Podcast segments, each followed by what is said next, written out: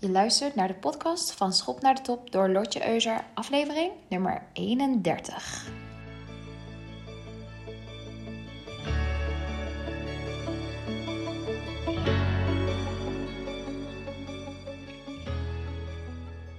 Hallo luisteraars, wees welkom in deze nieuwe aflevering vandaag. Ik ga het hebben over vrouwelijk leiderschap. En ik duik er meteen op in, want ik heb een hele hoop met jullie te bespreken. Om te beginnen, ik wilde deze podcast eigenlijk nieuw leiderschap noemen, want dat is waar ik het over wil hebben. Maar ik begrijp ook wel dat sommigen van jullie misschien momenteel al wel associaties met deze term hebben door vrouwen die deze term hebben geclaimd, waarvan je het gevoel hebt dat deze mensen het misschien niet hebben waargemaakt. Nou, misschien heb je wel bepaalde associaties met politici die deze term hebben vermarkt. Maar deze aflevering is in ieder geval niet bedoeld om deze vrouwen te bashen. Dat is niet mijn doel. Maar ik wil je wel graag meer vertellen over mijn ervaringen en mijn visie op nieuw leiderschap. Nou, om te beginnen gaan we lekker terug in de tijd. Ik ga je wat vertellen over mijn jeugd. Het eerste moment dat ik namelijk met vrouwelijk leiderschap te maken kreeg, was toen ik 16 jaar was. Ik uh, zocht een baantje en ik had gesolliciteerd bij de VND. Ik uh, wilde bij de VND gaan werken achter de kassa. En het was echt mijn allereerste echte baan. Ik verdiende iets van 2,85 euro. En ja, het was gewoon en droog werk. Dus ik dacht, nou, lucky me. Maar ik vond het ook echt enorm spannend, want ik had nog nooit enig werk gedaan en ook zeker niet kassawerk. Nou, ik had een sollicitatiegesprek met een van die managers daar. En in die tijd was het gewoon één sollicitatiegesprek en je bent aangenomen. Zo makkelijk. Een vriend van me ging laatst door vijf sollicitatierondes. Vijf? Hebben mensen daarvoor echt zoveel tijd binnen bedrijven? Nou, vind ik zo bizar, maar goed. En in dat gesprek merkte de manager in kwestie dat ik een beetje nerveus was. Dus ze probeerde me een beetje op weg te helpen. Ze dacht niet direct van, uh, nou, succes, je komt er zelf wel uit. maar ze probeerde me echt te helpen. Want ik was nog heel jong en ik was heel gemotiveerd om mijn werk ook echt goed uit te voeren. En nou, bij de V&D werken betekende ook dat je zo'n leuk jasje aandeed met uh, blauw, ja, wat was het, een donkerblauw jasje met rode streepjes. Dus ik voelde me ook meteen helemaal op mijn plek, maar ik vond het super spannend.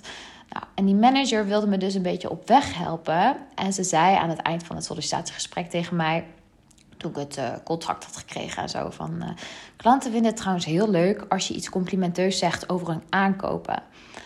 En trouwens, dit is de allereerste tip die ik ooit heb gehad over verkopen. Eigenlijk best wel hilarisch, zo in mijn uh, eerste job. En dat is mij toen zo goed bijgebleven, omdat ik merkte dat ze me wilde helpen om mijn baan zo goed mogelijk uit te voeren. En ze maakte het meteen ook een stuk makkelijker voor me. Want ik had zoiets van: oeh, ja, dit kan ik wel. Dus ik zei vanaf toen, dat moment, zei ik tegen elke klant: Nou, wat een mooie panty. Lekker hè, die chocolade. Of uh, leuke jas voor dit voorjaar. En daardoor ging de spanning voor mij er ook meteen af, omdat ik gewoon gesprekken mocht voeren met klanten. En dat voelde heel natuurlijk voor mij. En het lag ook wel een beetje in mijn natuur om dat zo ja, aan te pakken. En ik kon dat heel makkelijk meenemen in mijn werk. Ik, ik was altijd al complimenteus aangelegd. En het maakte mijn werk uh, leuker en makkelijker door op die manier met klanten in gesprek te gaan. Nou, op een gegeven moment keek ik toen naar andere collega's die naast mij zaten, ook achter de kassa. Zaten in zo'n rijtje, allemaal vijf kassa's naast elkaar of zo. En ik merkte dat mijn collega's helemaal geen complimenten gaven. Eh, dat ging gewoon zo van, uh, nou, dat wordt dan 3,99 eh, euro alstublieft. en dat ik zo opmerkelijk. Want had zij mij dan alleen die tips gegeven of deden anderen het gewoon niet? Nou, ik ging even op onderzoek uit. En die andere mensen die naast me zaten achter de kassa, die waren dus aangenomen door iemand anders. Die hadden niet zo'n tip gekregen. Nou, zij maakte toen al, als manager voor mij, een heel verschil voor mij in mijn werk. En dat vind ik dus zo mooi aan leiderschap. Je kunt het verschil maken voor andere mensen.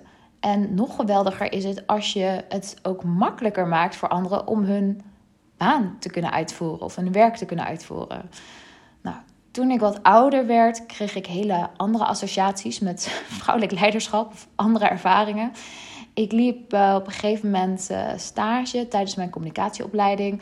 En uh, daar liep een, op dat werk liep een interim manager rond. Nou, ze was altijd gestrest, altijd aan het schreeuwen. Ze werkte altijd over, waardoor ze vervolgens weer aan het klagen was over haar leven, over in de file staan, vervolgens haar dochter niet kunnen zien, uh, zichzelf daar heel erg op afrekende. En daardoor kreeg de term leiderschap of manager voor mij een hele bittere nasmaak. En die werkomgeving die voelde ook helemaal niet empowering en veilig. Ik durfde niet mezelf te zijn. En ik durfde op een gegeven moment ook helemaal niks meer te zeggen. Het was echt vreselijk. Ik heb die stage ook maar na twee of drie weken volgehouden of zo. En toen ben ik snel weggegaan uit die omgeving. Nou, je kunt je misschien voorstellen dat op het moment wanneer je jong bent en je ziet zo'n voorbeeld van een vrouwelijk leider, je bent aan het afstuderen, dat je je dan niet echt geïnspireerd voelt om carrière te maken en ook richting een leidinggevende functie te gaan. Maar ik bedacht me ook toen van mocht ik ooit manager worden, dat ik het dan in ieder geval wel anders zou gaan aanpakken. Uh, mijn associaties met leiderschap veranderden een beetje toen ik in een kledingwinkel ging werken, waar de toenmalige manager zo ontzettend anders leiding gaf. Ze liet heel veel ruimte over voor mijn eigen input, wilde heel graag mijn ideeën horen en luisterde heel goed en aandachtig naar me. Ik voelde me echt gehoord. En daarbij voelde ik ook ruimte om fouten te kunnen maken. Uh, ook doordat zij ook op haar beurt ja, haar fouten met mij deelde. Dus ik werd er niet op afgerekend. En nou, deze manager had duidelijk plezier in haar werk. Zo kon het dus ook dacht ik op dat moment. En ineens was ik weer positief geïnspireerd door het leiderschapsvoorbeeld wat ik daar zag. Nou, dit zijn natuurlijk hele simpele voorbeelden, maar wel voorbeelden die voor mij een wereld van verschil maakten in hoe ik op die momenten tegen leiderschap aankeek. En daarom wil ik die zo graag aanstippen en uitleggen in deze podcast. Want we hebben namelijk meer stimulerende en empowerende voorbeelden nodig van nieuw leiderschap of vrouwelijk leiderschap in dit geval. Omdat het andere na ons ook weer kan inspireren om voor die rol te kiezen en een nieuw geluid in te brengen. En die nieuwe geluiden, die zijn gewoon heel hard nodig in een veranderende wereld. En daarom is het ook zo gezond, vind ik, als leiders elkaar afwisselen en iemand niet te lang in dezelfde functie blijft hangen. Maar als je de term nieuw leiderschap hoort, dan kan dat bepaalde verwachtingen met zich meebrengen. Misschien ook wel soms te hoge verwachtingen, waardoor het onmogelijk wordt om het waar te maken. Zo beginnen veel professionals met frisse moed aan een nieuwe opdracht. En willen ze bijvoorbeeld ja, radicaal een andere richting inslaan. Of zorgen dat de organisatie weet je, een andere richting inslaat. Maar is de omgeving er zelf nog niet helemaal klaar voor? En vervolgens kunnen er dan verschillende dingen gebeuren. Of je verwatert je missie en je gaat toch steeds meer meestromen met uh, de omgeving, waardoor je nieuwe ideeën of je nieuwe leiderschap verwatert naar een beetje meer leiderschap oude stijl en er eigenlijk niets meer echt verandert. Of je gaat te snel en je creëert een te grote afstand tot verhouding met de andere mensen uh, waarmee je moet werken. Je bent eigenlijk al met je hoofd bij de finish. Maar de mensen die mee moeten, staan nog bij start. Nou, dan ga je te snel, raak je ze kwijt. En gaan mensen ook hun hakken in het zand zetten en willen ze niet mee veranderen. Je verliest daarmee helemaal je power als leider. Nou, en als coach help ik verschillende businessvrouwen met sales en marketing. En ja, mijn klanten staan ook op verschillende levels. Sommigen zijn qua mindset al verder en daar kan ik bijvoorbeeld tegen zeggen van ja, kijk hier eens naar. En dan hebben ze daaraan genoeg. Ze hebben eigenlijk aan een half woord genoeg. Andere mensen die ik coach, die hebben wat meer hulp nodig en context om te komen waar ze graag willen komen. En daarbij pas ik weer mijn manier van coachen aan. En zo is het ook met leiderschap. Waar ik zie dat vrouwelijk leiderschap nog heel veel terrein uh, te winnen heeft, is door meer paden te banen voor andere vrouwen. Nou, we weten intussen natuurlijk wel hoe mannelijk leiderschap eruit ziet. We zien het elke dag op nieuws of in de krant of nou. Uh, maakt niet uit waar. Uh, en daarom hebben we juist meer voorbeelden nodig van hoe vrouwelijk leiderschap eruit ziet. En dat betekent voor mij niet dat je je als vrouw gaat conformeren aan de mannelijke standaard. Dat je bijvoorbeeld uh, ineens broekpakken gaat dragen of dat je meelacht om de denigrerende grapjes die bij het koffiezetapparaat worden gemaakt. Nee, dat betekent het niet. Het betekent juist dat je een nieuwe standaard durft neer te zetten en een ander geluid laat horen. Ehm, en nu denk je misschien van ja, mooi dat je dat zegt, hè, nieuwe standaard neerzetten. Maar hoe doe je dat? Nou, heel simpel bijvoorbeeld. Dat je je grenzen duidelijk maakt en dat je daardoor ook een nieuwe standaard creëert voor degene die na je komen. Dat je bijvoorbeeld besluit om niet mee te doen aan de politieke spelletjes die in het bedrijf waar je werkt worden gespeeld. En dat je je in plaats daarvan gewoon bezighoudt met continu verbeteringen doorvoeren en uh, positieve veranderingen doorvoeren. Of wanneer, als dit niet meer mogelijk is, je besluit om radicaal een andere koers te varen. Je kunt namelijk zoveel energie kwijtraken door je te laten meeslepen in de struggles van anderen. En nee, een vrouwelijk leider moet, naar mijn idee, zich alleen richten op de zaken waar zij invloed op kan uitoefenen. Ook wel Circle of Influence van Stevie Covey genoemd. Misschien ken je dat, misschien ken je hem niet. Google even als je het niet kent. Je moet je alleen richten op datgene waar je nieuwe paden kan banen. En vooral niet blijven inbeuken op doodlopende wegen of never ending stories. Maar ja, hoe pak je dat nou? Hoe pak je nou die rol als vrouwelijk leider en hoe maak je nou echt een verschil? Uh, dat is iets waar ik afgelopen tijd ook mee bezig ben geweest. Want ik wil namelijk niet alleen business coach zijn, maar ik wil andere vrouwen naar de top helpen. Dat is de manier waarop ik impact wil maken. En ik denk dat het helpt voor jouzelf, als je nu luistert, dat je nadenkt over wat jij wilt bereiken en welk verschil jij wil gaan maken, zodat je zelf ook dat vrouwelijk leiderschap kunt pakken. Hoe kun jij jezelf sterker positioneren en leiderschap tonen op zo'n manier dat je niet te snel gaat en anderen kwijtraakt, zoals ik net vertelde, maar juist dat je andere vrouwen kunt meetrekken de hoogte in. Echt dat upliften en empoweren. Nou, dat kun je bijvoorbeeld doen door meer te laten zien tot wat je in staat bent en daarmee als rolmodel voor andere vrouwen te fungeren. Want ik zie zoveel vrouwen met zoveel potentie, maar ja, die zich gewoonweg niet durven te laten zien wat ze in een mars hebben. Die niet de regie durven pakken wanneer zich kansen voordoen. En eh, die dan bijvoorbeeld zeggen van ja, misschien moet ik nog even wachten. Misschien moet ik even afwachten, kijken hoe het zich ontwikkelt. Of uh, ja, ik denk niet dat dit het moment is. Misschien volgend jaar. Dan even opnieuw bekijken. Nou, allemaal zulke excuses. Oh my, ik heb al zoveel excuses gehoord waarvan ik denk: really? Wie hou je hier nou voor de gek? En ja, dat vinden ze niet zo leuk als ze met mij praten. Want hun omgeving zegt dan vaak: ja, ja, ja, hij snapt helemaal. Ja, je hebt gelijk. En ja, ik zeg dan gewoon dat je jezelf onzinverhalen vertelt. En uh, dit als excuses gebruikt om lekker in je safety zone te blijven. Uh, misschien herken je dit voor jezelf. Wil je een stap maken, verhuizen of van baan wisselen, je onderneming anders inrichten of je verdienmodel veranderen? Misschien zelfs je relatiestatus veranderen noem maar op. En ben je te druk bezig met nu al helemaal uitdokteren hoe je dit moet gaan doen. En als je te druk bezig bent met de hoe, dat is echt een probleem, dan raak je snel verstrikt in je eigen gedachten en kom je niet vooruit. Dus laat het even op je inwerken. Als je te druk bezig bent met de hoe, raak je snel verstrikt in je eigen gedachten en kom je niet vooruit. Dan blijf je stilstaan. Blijf je in die stilstand om je heen kijken en wanhopig proberen uit te vogelen hoe je daar moet komen. Terwijl, ja, als we eerlijk zijn, je kunt de toekomst niet voorspellen. Je kunt niet nu al helemaal hebben uitgedokterd hoe je iets gaat doen. We beginnen aan iets en het loopt vaak heel anders dan we hadden gedacht. Uh, denk nu even aan een eigen situatie in je leven. Misschien je huidige baan of je gezin, je studie. Waarvan je misschien eerder een soort voorspelling had gedaan hoe het zou gaan lopen. En het heel anders heeft uitgepakt dan je had gedacht. Want laten we eerlijk zijn. Zo gaat het met de meeste dingen in het leven, toch? Toen ik aan die ene stage begon, had ik nooit gedacht dat ik na twee weken, na twee weken weer op zoek zou moeten gaan naar een nieuwe stage. Live dit, learn dit.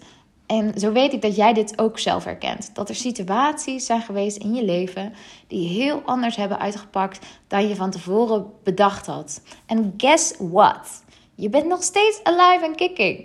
Je hebt het overleefd. Je haalt nog steeds adem. En daarom kun jij onbekende dingen aangaan. Het enige wat je simpelweg hoeft te doen is gewoon overleven. Relax een beetje en maak je niet te druk over de hoe. Ja, klinkt natuurlijk iets makkelijker dan gedaan.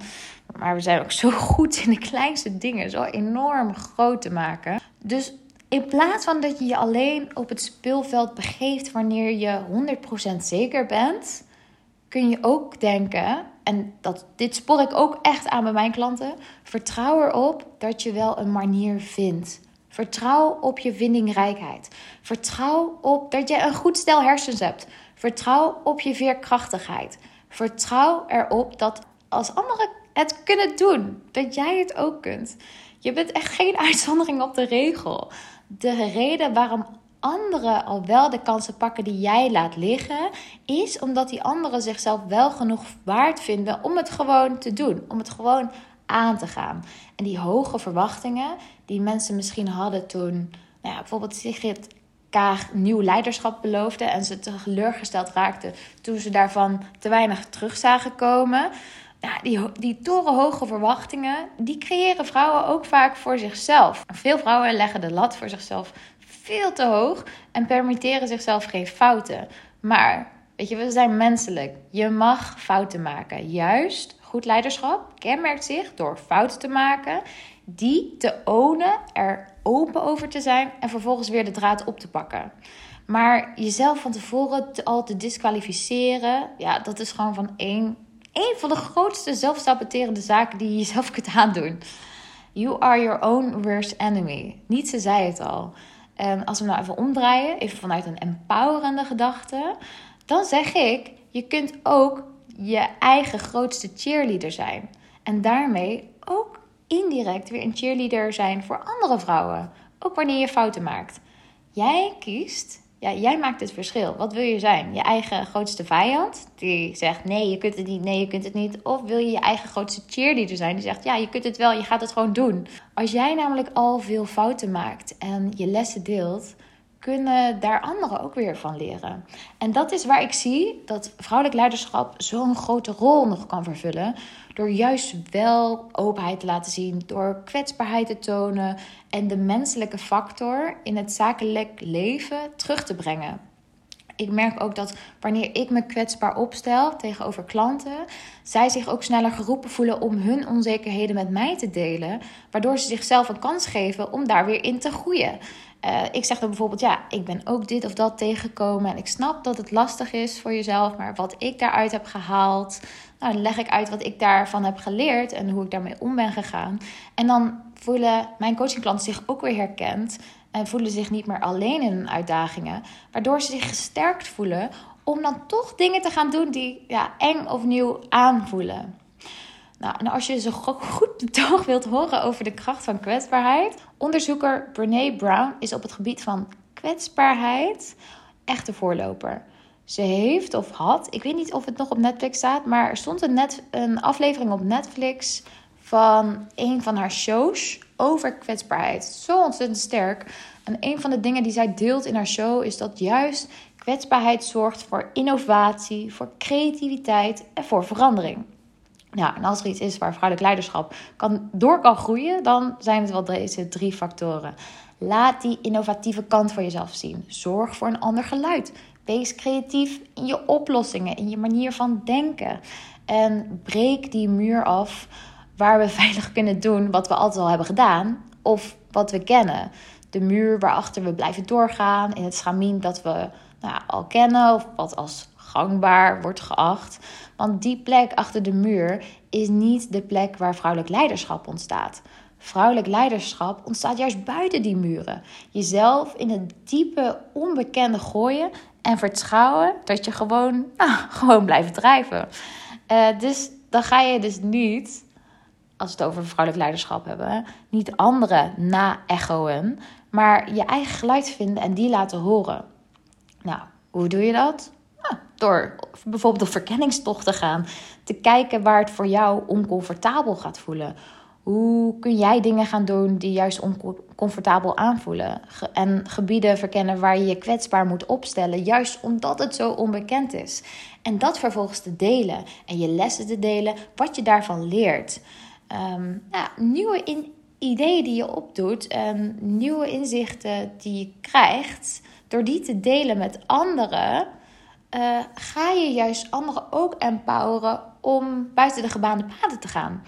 En dat gebeurt dus alleen buiten die veilige muren. Het is dus echt gewoon tijd voor jezelf om op ontdekkingstocht te gaan.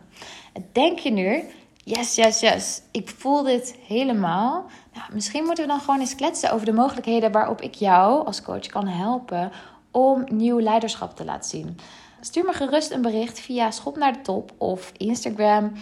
Uh, als je iets over wilt weten, of misschien wil je ook nog wel iets delen over dit topic of over deze episode, nou, deel het gerust, want dat vind ik hartstikke leuk. In het kader van vrouwelijk leiderschap uh, voeg ik even daad bij het woord, want ik ga volgende week een episode maken waarin ik mijn fouten deel, mijn lessen deel als ondernemer zijnde, uh, waarvan ik denk dat jij er ook heel veel aan kunt hebben voor jouw persoonlijke groei. Nou, ik wens je voor nu een hele fijne dag.